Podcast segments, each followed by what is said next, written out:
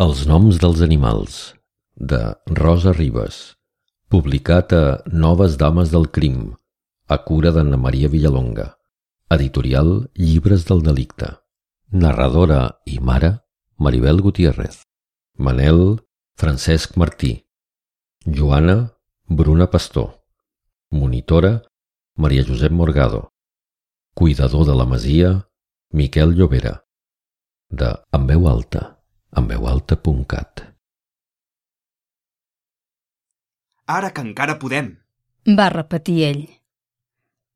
Amb un gest de la mà em va dirigir la mirada cap a l'escriptori on s'apilaven les actes que em tocava llegir aquell cap de setmana. Les tapes de cartolina amb prou feina cobrien les veus dels clients del despatx d'advocats. Veus aspres, amargues, desesperades, exigents, carregades de queixes, reclamacions, laments, fins i tot d'insults, que se'm llançarien al coll tan bon punt obrís les carpetes. Amb l'altra mà Manel es fregava l'esquena, adolorida de les hores d'avió. Els viatges internacionals feia temps que havien perdut tot l'encant. Dels països on l'enviaven guardava només records d'aeroports, hotels i sales de reunions. Els bars i els restaurants eren tots iguals. Els carrers que recorrien passejades ansioses d'hores escadusseres no deixaven empremta. Ara que encara podem. La frase ressonava com una campanada cada hora extra que feia. Retornava quan entrava als jutjats. Revenia tant si perdia com si guanyava el cas. La passió per la feina s'havia esmunyit dins l'obtusa rutina dels darrers anys. Ara fins i tot em mancava la necessitat d'èxit. En un principi seria fer de masovers un any. I sobretot viure de veritat junts. Tu, jo i la nena. Ara encara podem fer-ho. La Joana acabava de fer els quatre anys, no estava encara en edat escolar. I més tard, si ens agrada, si decidim continuar vivint al camp, ja buscarem una solució. Potser mudar-nos a un poble més gran, on hi hagi una escola. Molts municipis s'estan despoblant. I una parella jove amb una nena petita i ganes de treballar, segur que és ben rebuda arreu. Però en principi només seria per un any. Li vaig dir abans que s'engresqués més. Ell va fer que sí amb el cap. És un mas del segle XVI, en molt bon estat. Em va ensenyar les fotografies a la pantalla de l'ordinador. Ho tenia tot estudiat. Havia buscat i havia trobat una casa que els amos cedien per un any. Els masovers s'haurien d'encarregar dels camps i també del petit bestiar, gallines i conills. Però es troba en un paratge molt aïllat. Això es tracta, no? Nosaltres tres, sols. Un any lluny de tot això, fora. De la feina que ens està consumint, de les obligacions socials, del ritme histèric d'aquesta ciutat, del soroll. Ni cotxes, ni motos, ni mòbils. Ni música estrident per tot arreu, ni gent cridanera, ni camions de les escombraries a la matinada, ni alarmes a qualsevol hora, ni borratxos als caps de setmana, ni turistes desaforats cada dia. Res! Silenci! Finalment vaig deixar de banda les objeccions. Marxar. Per què no? Sí.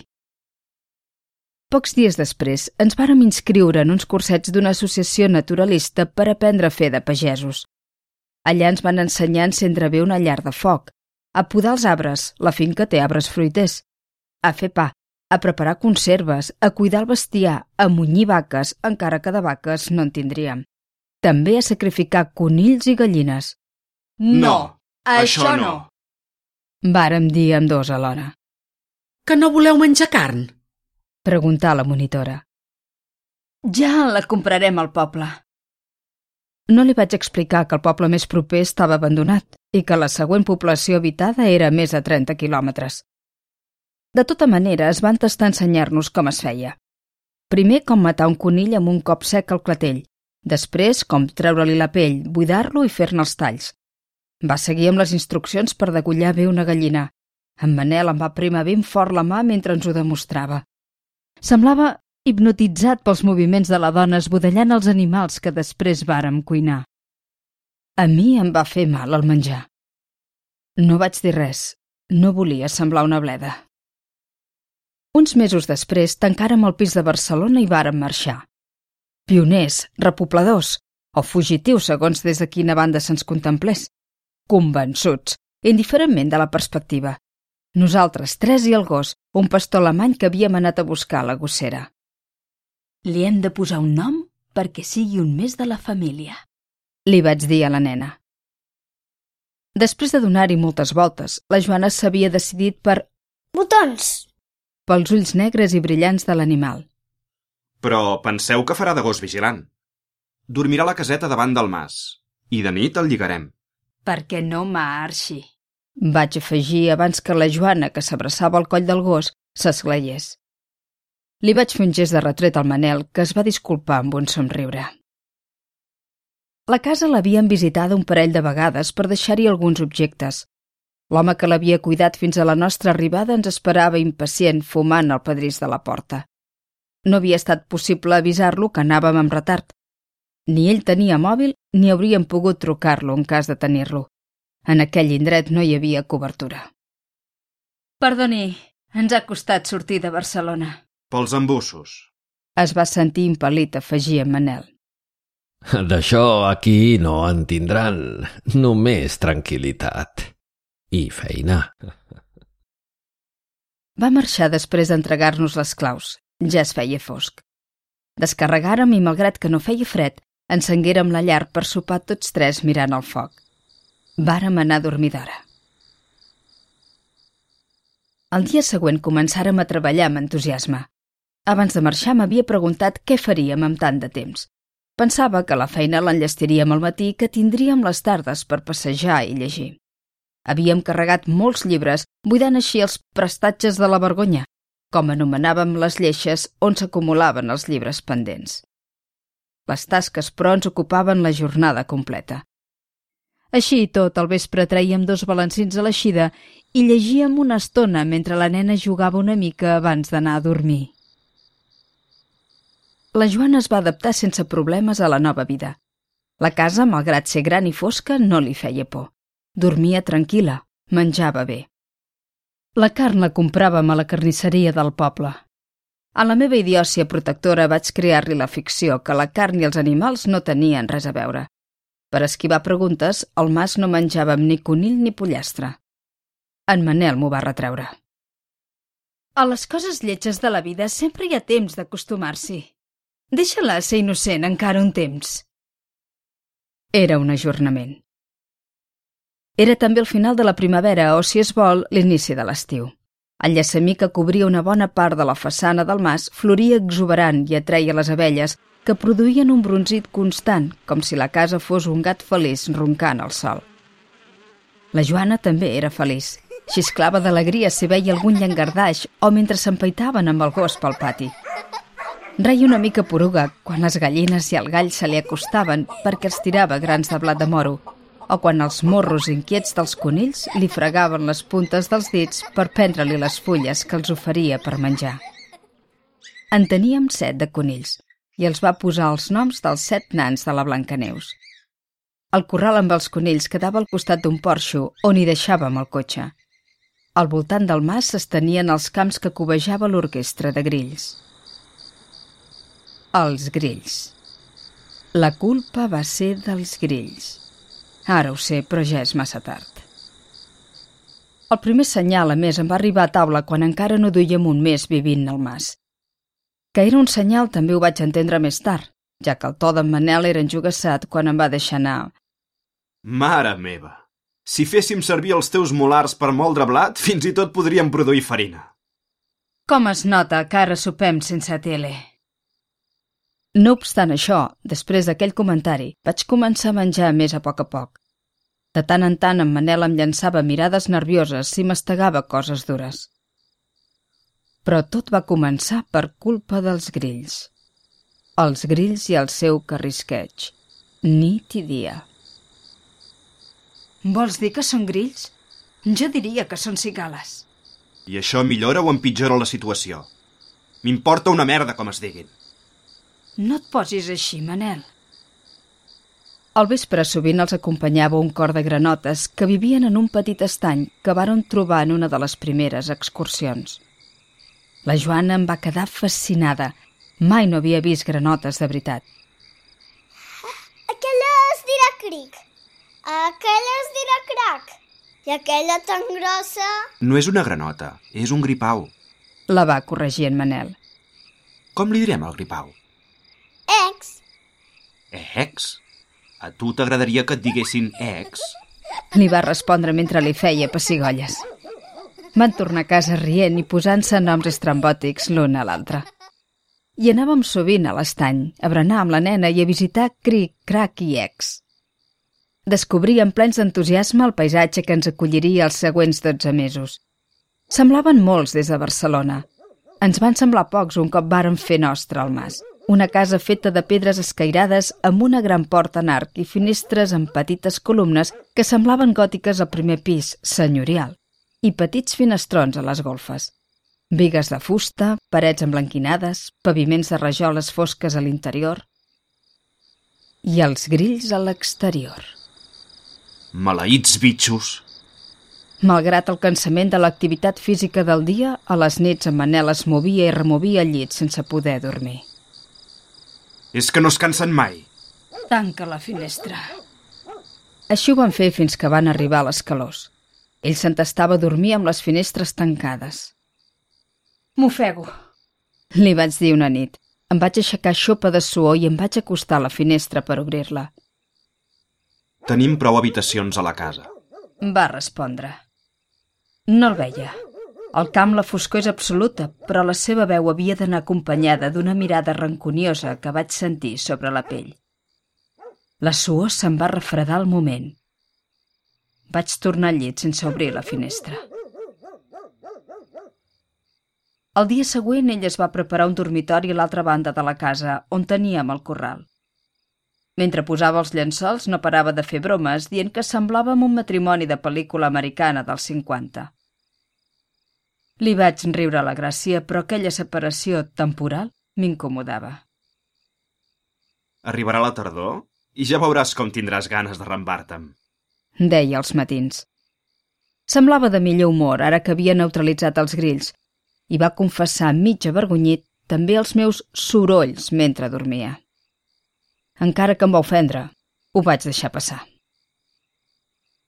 Una setmana després em varen despertar de matinada uns crits que venien de fora de la casa. Era la veu d'en Manel. Calla, calla, calla! Descalça vaig baixar l'escala i vaig sortir. Seguint els crits, vaig creuar el pati fins al corral. En Manel pujava i baixava els braços amenaçant el gall, que el mirava amb el cap cot arraulit contra la paret del fons. Què fas? Aquesta bèstia que no para de cridar! És un gall. Està sortint el sol. Què esperes? La Joana s'havia despertat i també havia sortit al pati. Ens mirava encara mitja dormida. Què li ha fet el Claudi al papa? Qui és el Claudi? El gall, com el dels dibuixos animats, aquell que es brallava amb el gat silvestre. Va entrar a la casa negant amb el cap. Joana, no s'ha de posar nom als animals que ens hem de menjar. Ella em va mirar amb ulls esbatanats. No li facis cas. És broma. El vaig seguir a l'interior per dir-li que no l'espantés així, però em va fer un gest imperatiu amb la mà que em va emmudir. Estic molt cansat.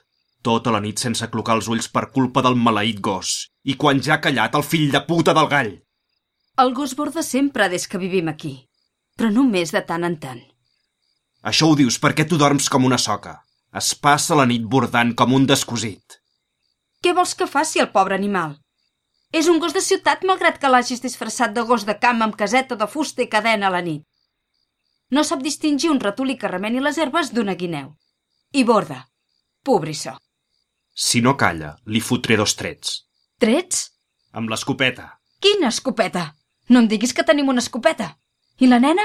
I si pren mal? La tinc amagada a l'armari de la meva habitació, tancada amb clau. I per què la volem, l'escopeta? Perquè vivim força lluny del poble i no se sap mai si no s'acosta per aquí algun brètol.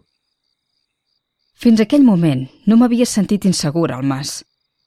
A la nit vaig endur-me la Joana al llit. El dia següent vaig traslladar la seva roba i les joguines a la meva habitació. Què és tot aquest enrenou? Va preguntar Manel quan va tornar del camp al migdia. Ara comparteixo habitació amb la mama. Li va explicar ella que ho feia. Bé, però no feu tant de soroll. Si jo vaig descobrir la por per culpa de l'escopeta, aquell dia ell va semblar desenvolupar una hipersensibilitat pels sons que feia la nena. No xisclis. No cridis. No piquis aquests cops. No facis botar la pilota aquí. No cantis tan fort. No ploris. Les advertències l'anaven inhibint dia a dia, però no la van emudir quan un matí, després d'una nit inquieta que ell va passar passejant amunt i avall per la casa, va tornar del corral i va deixar caure el cos inert del Claudi sobre la taula de la cuina. Fes-ne un caldo. Per què no vaig agafar la nena en aquell mateix moment i vaig tornar a Barcelona? Perquè hauria estat una derrota. Només portàvem quatre mesos. L'orgull em va ofuscar els comentaris burletes de tots aquells que ens van dir que no duraríem ni una setmana al camp, el ja ho sabia jo, de la meva mare, el t'ho vaig dir, del meu pare.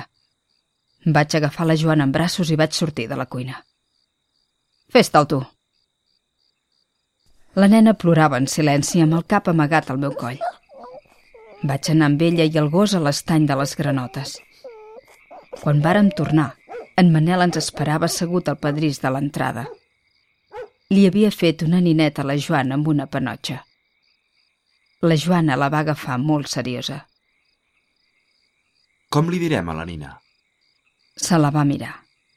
Després va mirar el seu pare i va respondre. No té nom. En Manel va entendre a l'instant per què. Les llàgrimes li venien als ulls. Va girar-se i va marxar l'era. La casa no feia olor de caldo. La cuina estava freda. No li vaig voler preguntar a la nit què havia fet amb el cos del gall Claudi. Els següents dies em van semblar normals, si normal vol dir que s'estremia si sentia odolar el gos o la nena cridava mentre jugava. Al vespre ja no sèiem els balancins per prendre la fresca. Els grinyols el posaven nerviós. Ara trèiem uns coixins per posar-los sobre el pedrís. Bevíem cerveses fresques. Crec que en Manel no parava de parlar per no sentir el soroll dels grills. I els de la nena. Joana, no cridis. Joana, deixa de fer vots. Joana, portes mitja hora amb la mateixa cantilena i si pares!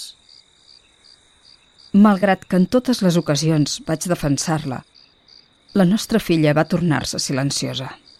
Fins i tot va deixar de sortir al pati amb nosaltres per més que jo la reclamés. Es quedava a l'habitació que compartíem i jugava amb la nina Panotxa sense nom.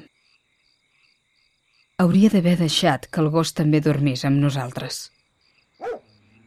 Els lladrucs a la nit varen trencar el precari equilibri des que en Manel havia mort el gall. Abans d'ahir me'l vaig trobar sortint de la seva habitació amb l'escopeta carregada. On vas? A fer callar aquest malparit. El gos va sentir les nostres veus. Bordava embogit, tibant la cadena que lligava la caseta. El pelo ara mateix. Començà a baixar les escales.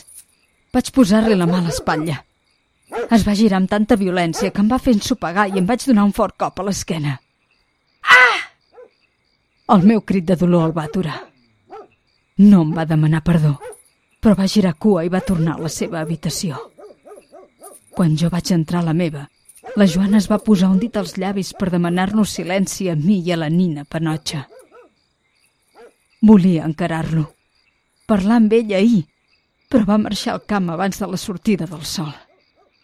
Al vespre va rebutjar tota conversa i després de sopar es va tancar a la seva habitació. Porto dues nits sense dormir. A veure si avui ho aconsegueixo.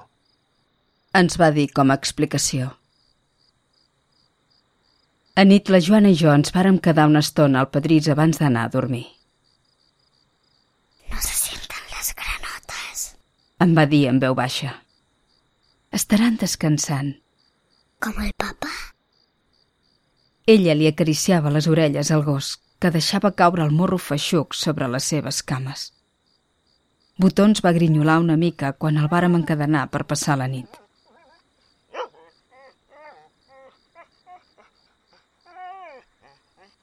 Avui en Manel m'ha dit que es volia quedar al llit, que es troba malament. Davant de la porta ha deixat unes botes brutes de fang. Mentre preparo l'esmorzar, entra la Joana de puntetes a la cuina amb els ulls plens de por. El botó s'ha escapat. Em diu a cau d'orella. Sortim al pati. El collaret de cuir està obert, no trencat. Queda't aquí amb el papa. Aniré a buscar-lo. Només quan ja m'he allunyat prou del mas m'atreveixo a cridar-lo. Botons! Botons! No se sent res. Tan sols els grills. L'absència del raucar dirigeix les meves passes a l'estany de les granotes. Quan hi arribo, entenc que els grills entonen un cant fúnebre. Les granotes suren panxa en l'aire. Mortes. Com els peixets de l'estany i un parell d'aus que deuen d'haver provat la seva carn emmetzinada. A la vora, on sempre fèiem els pícnics, hi ha dues bosses buides de matarrates. M'hi apropo. El bronzí obsessiu de les mosques és l'únic so que competeix amb els grills i em condueix al cos inert del botons. Una ferida fosca li recorre el coll en macabra simetria amb la boca oberta. Els ulls entelats per la mort. I arrenco a córrer, com no he corregut mai. Joana, Manel, sols! Corro. Els pulmons em volen explotar. I corro. Tots els músculs em cremen, però corro. Fins que arribo al mas i una destral xopa de sang al mig de l'eixida em frena en sec. Només un segon. Salto al llindar vermell que marca i entro al mas. Joana! Joana! Per primera vegada en setmanes alço la veu a casa. Silenci. Crido el seu nom amb més força. Ja no és una veu, és un esgarip. Aquí! Aquí! Diu una veueta al dormitori. Entro. La Joana em fa senyals des de sota del llit amb la nina panotxa. El papa ha matat les gallines perquè no callaven. On és ara? Al corral. Queda't aquí. Torno al pati. Silenci. Ni gos, ni granotes, ni galls, ni gallines. Només queden els grills, els maleïts grills. Segueixen aliens a tot, introbables i per això indestructibles. Els grills i els conills quiets i silenciosos. Però no els salvarà el silenci, ni tampoc tenir nom. Entro al corral. Paralitzada, veig com els va matant un a un, tal com va aprendre. Després els deixa la gàbia com si els allités. Es gira i em mira. Només necessito un segon de la seva mirada per fugir cap al porxo. Però les claus del cotxe no hi són. Ell surt del corral fregant-se les mans adolorides després de trencar set clatells. Em veu sortir del porxo, entén el meu intent fracassat d'escapada i esclata a riure. Un riure sense alegria. És un soroll maligne que li brolla dels pulmons com una bilis d'aire. S'ajup i agafa la destral amb què ha degullat les gallines. Corro cap a la casa. La Joana seu callada davant de la llar de foc aferrada a la nina de panotxa sense nom. L'agafo de la mà i l'arrossego escales en l'aire. Entro a l'habitació d'en Manel i rebento la porta de l'armari d'un cop de peu. Agafo l'escopeta. La carrego. Sento que la porta del mas es tanca d'un cop sec. Després, dues voltes de clau. Pugem a les golfes. Deixo la porta ajustada. Seu aquí. Ordeno a la Joana i li assenyalo la paret al costat de la porta. La Joana, acostumada a callar des de fa setmanes, em mira amb ulls espantats, però no s'atreveix a preguntar i fa el que li dic. M'ajupo i li dono una bufetada. Comença a plorar en silenci. Torno a colpejar-la. La criatura gemega, massa fluix, com un animaló amagat com el que és. La sotrago amb violència, com qui mou una persona que s'anoega. Finalment ho aconsegueixo. Els pulmons de la Joana s'expandeixen i arranca un plor agut, punyent que traspassa la porta que irritarà en Manel, que el farà enfadar. Quan ella s'atura per agafar aire, se senten les petjades pesades de les botes apropant-se. Com si m'hagués entès, la Joana emplena de nou els pulmons d'aire i torna a cridar. És un plor animal, furiós, enrabiat. Tapa per un moment les passes a l'escala, però després, quan ja sona fregada la porta, la sento de nou. Li somric a la nena. Em poso el dit als llavis per demanar-li que calli. El plor s'atura en sec. Només se sent el grinyol de les frontisses. Faig tres passes enrere. Aixeco l'escopeta i apunto a la porta. Tanca els ulls, Joana!